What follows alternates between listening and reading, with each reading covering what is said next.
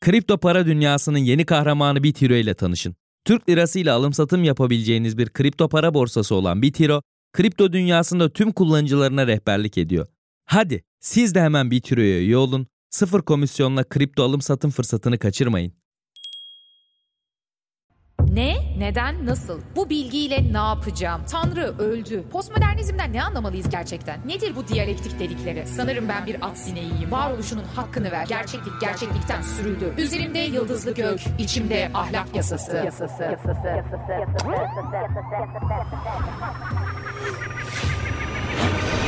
Dünyaya fırlatıldık. Credo quia absurdum. İnanıyorum çünkü saçma.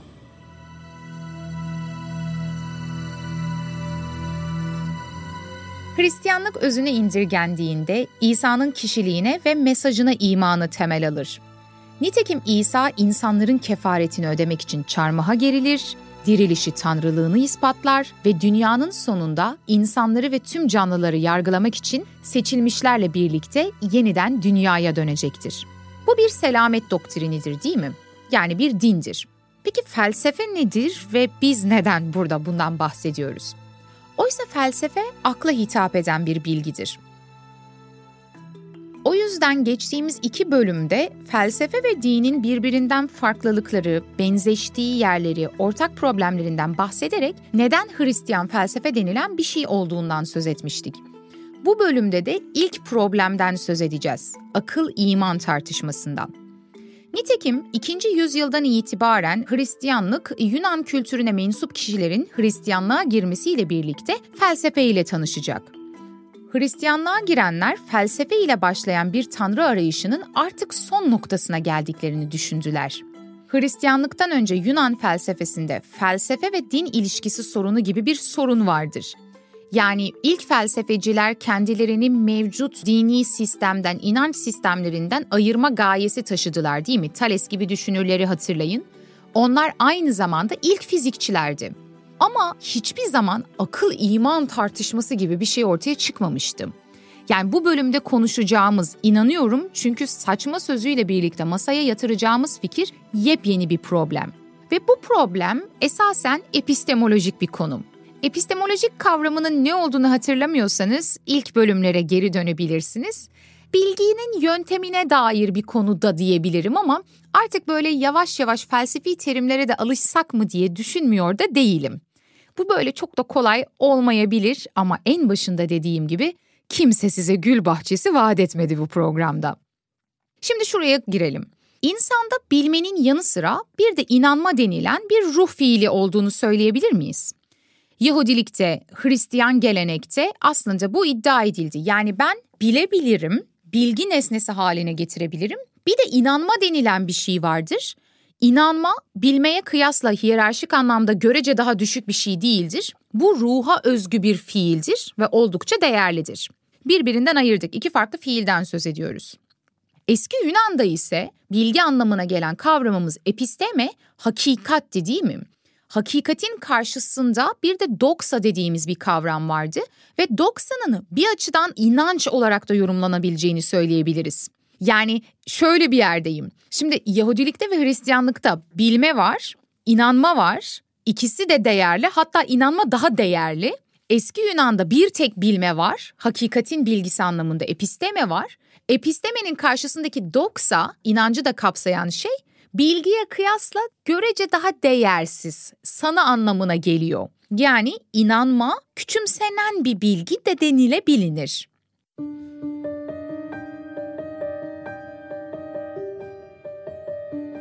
Bu noktada artık Yahudi Hristiyan gelenekle birlikte açığa çıkan inanma dediğimiz şey orta çağı meşgul eden konularında başında gelir.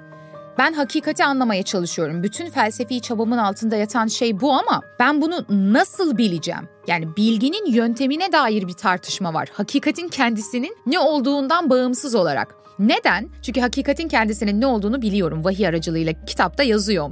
Tanrı var, onun özellikleri, evrenin neden yaratıldığı, sonrasında ne olacağı her şey yazıyor. Peki ben bunu nasıl bilebilirim, nasıl kanıtlayabilirim dediğimizde artık yönteme dair yani epistemolojik bir tartışmaya girmiş oluyoruz. Ruhta bilmenin yanı sıra bir de inanma denilen bir fiilin olduğu, hatta bu fiilin aklın bilmesinden de daha önemli olduğu tezi Hristiyanlıkta Aziz Pavlus ile birlikte ortaya çıkıyor. Aziz Pavlus'tan söz edelim biraz. Kendisi İsa'nın hayatı, ölümü, çarmıha gerilmesi ve dirilmesi gibi pek akla mantığa uygun olmayan konularda Hristiyan öğretiye karşı yapılan itirazları ortadan kaldırmak için bu öğretinin Yunan hatta Yahudi aklına uygun olmadığını söyler. Yani evet bunlar mantıklı gözükmüyor biliyorum ama mantıklı olmak zorunda da değil. Çünkü mantık dediğimiz şey insana özgü bir yeti ya onun sınırlarını aşıyor olması bunların hakikat dışı olduğunu göstermez. Belki insan aklının kapasitesine dair bir eleştiri yapmamız gerekir. Bu güzel bir bakış açısı. O yüzden Aziz Pavlus diyor ki, bu türden mucizevi olayları aklımız almıyor olabilir ama zaten bunlar akla aykırı olduğu için birer mucize. Yani bunu anlıyor biliyor olsaydım, mantıklı olsaydı zaten mucize olmayacaktım ve Hristiyanlıktaki tüm bu mucizelerin akıl açısından saçmalık olduğunu kabul ediyor. Ancak Hristiyanlığın bu saçmalığının Yunan ve Yahudi bilgeliğinden daha üstün olduğunu savunuyor. Tam olarak bölüme hoş geldiniz. Burası çok enteresan bir tartışma. Bu tartışmaya başlamadan önce kutsal kitaptaki ilgili bölüme kulak verelim. Korintlilere mektuplar 1.25 Çünkü Tanrı'nın saçmalığı insanın bilgeliğinden daha üstün, Tanrı'nın zayıflığı insanın gücünden daha güçlüdür. Buradan bakıldığında şöyle bir yere geldik. Hristiyanlık dininin özünü meydana getiren şeylerden bir tanesi bu delilik ve saçmalığa iman. Delilik ve saçmalık dediğimde sanki küçümsüyormuşum gibi geliyor kulağa ama aslında burada delilik veya saçmalık kavramlarının hangi anlama geldiğini tekrar düşünelim. Şimdi eğer tek ölçütümüz akılsa, akla göre bazı öğretilerin saçma olması onların gerçekten var olmadığını değil de aklın kimi konularda yetersiz olabileceğini söylüyor demiştim. Bu noktada biz kutsal metinlere bir eleştiri sunmuyoruz. İnsana dair bir eleştiri sunuyoruz. Aziz Pavlus'un iddiası bu yönde. O yüzden diyor ki evet aklın almadığı mucizevi gibi gözüken şeyler olmasına rağmen bu noktada insanın bilgeliğinden çok çok daha üstün bir tanrı ile karşılaştığımız için böyle bir sorunla biz erişiyoruz. Yani sen tanrının kudretini, bilgeliğini, yarattığı şeyleri anlamaya yeterli değilsin ki. Nasıl böyle bir ego ile çıkıp her şeyi akıl temelinde anlayabileceğini iddia ediyorsun dedi Aziz Pavlus. Burası iddianın kendisinin haklı haksız olmasından bağımsız olarak felsefe tarihinde önemli bir yer. Çünkü kişilerin bir dakikaya biz bilgiyi ortaya koymaya çalışıyoruz ama acaba biz bu bilgiyi anlamaya yeterli miyiz diye kendilerini sorgulamasında felsefi bir yan var çünkü. Sonrasında zaten bu bilme karşıtlığı ya da iman ve akıl arasındaki karşıtlık milattan önce 160 yılında Kartaca'da doğan Latin bir kilise babası olan Tertullianus tarafından formülize edilecek. Bu noktada bölümü ufak bir ara verelim, sonrasında kaldığımız yerden devam edelim. Müşteri temsilcisine bağlanamamaya son. Kripto para dünyasının yeni kahramanı BitHero, 7/24 hizmet veren müşteri temsilcileri ve kullanıcı deneyimi odaklı yaklaşımıyla sizlere benzersiz bir kripto para borsası deneyimi sunuyor. Kolay arayüzü ve sadeleştirilmiş ekranları sayesinde tüm işlemlerde hız ve pratiklik kazandırıyor. Üstelik şimdi açılışı özel hiçbir komisyon ücreti yok. BitHero, kripto para dünyasının yeni kahramanı.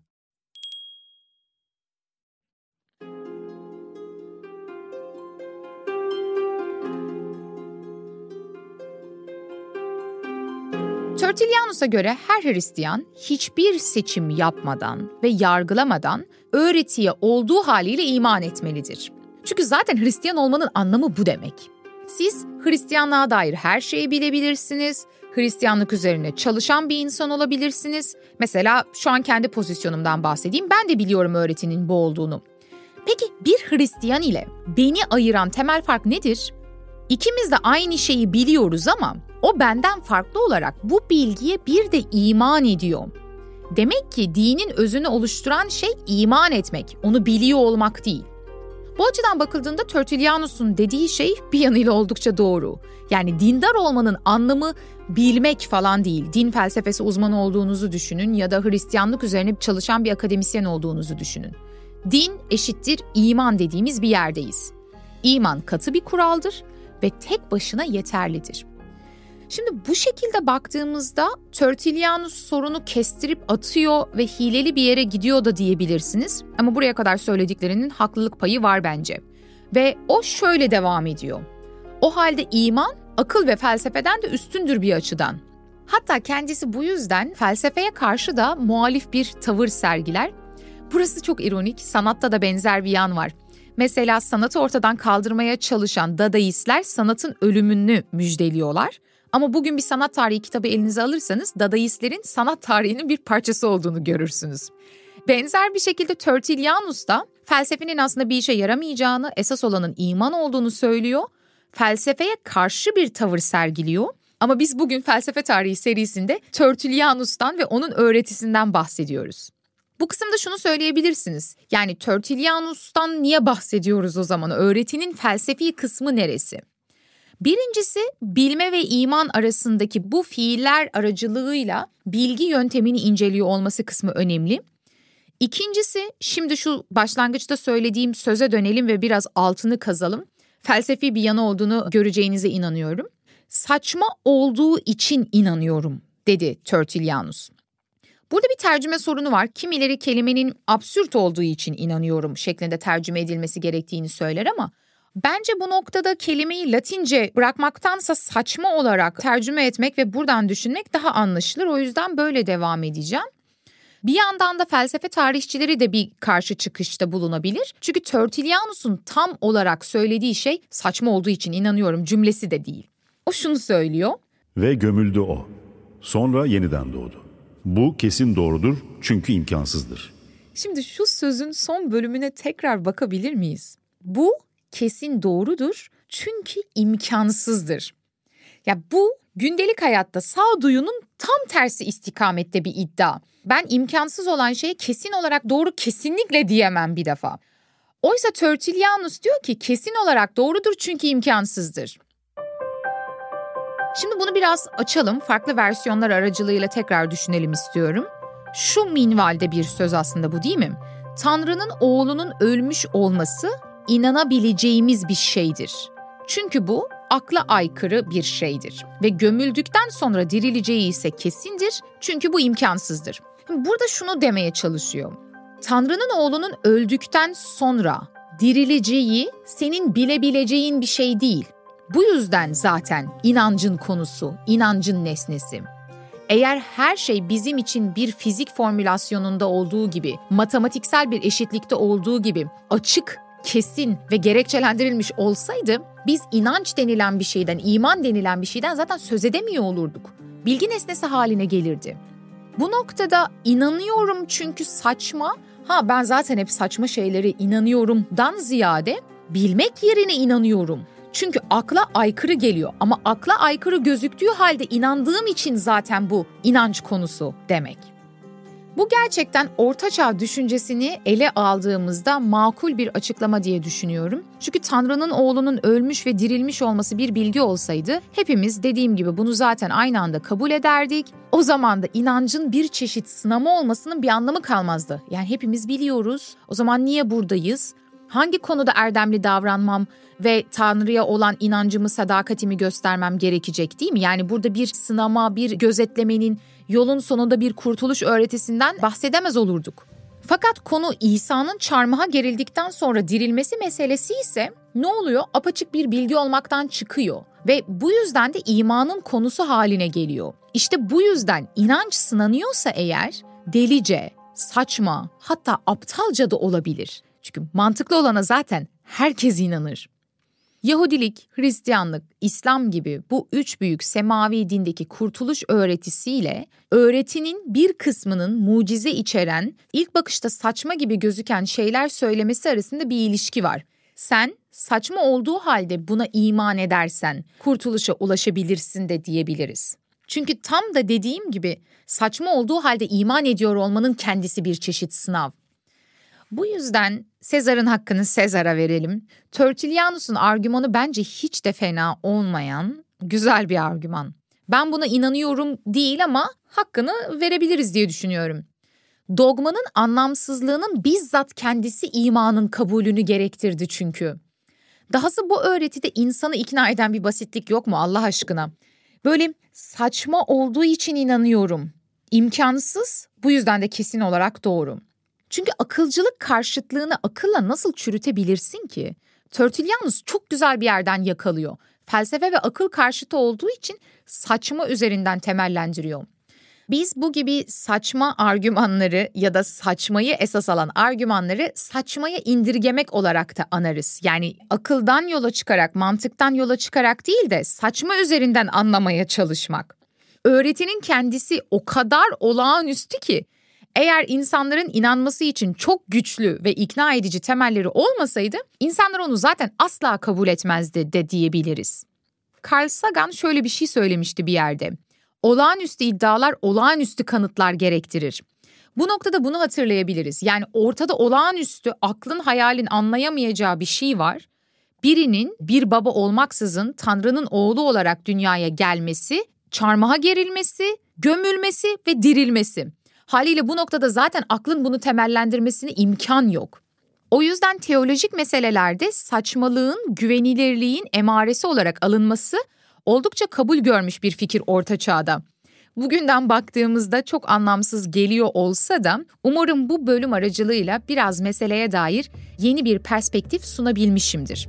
Ama şunu da söylemek lazım. Tüm kilise babaları Tertullianus'la, Aziz Pavlus'la aynı fikirde değiller. Bu yüzden daha sonrasında akıl ve imanı uzlaştıran, daha rasyonel temellerle ilerleyen kişilerden de söz edeceğiz ve bunlardan ilki Agustinus olacak. Gelecek bölümde görüşene dek meraklı kalın.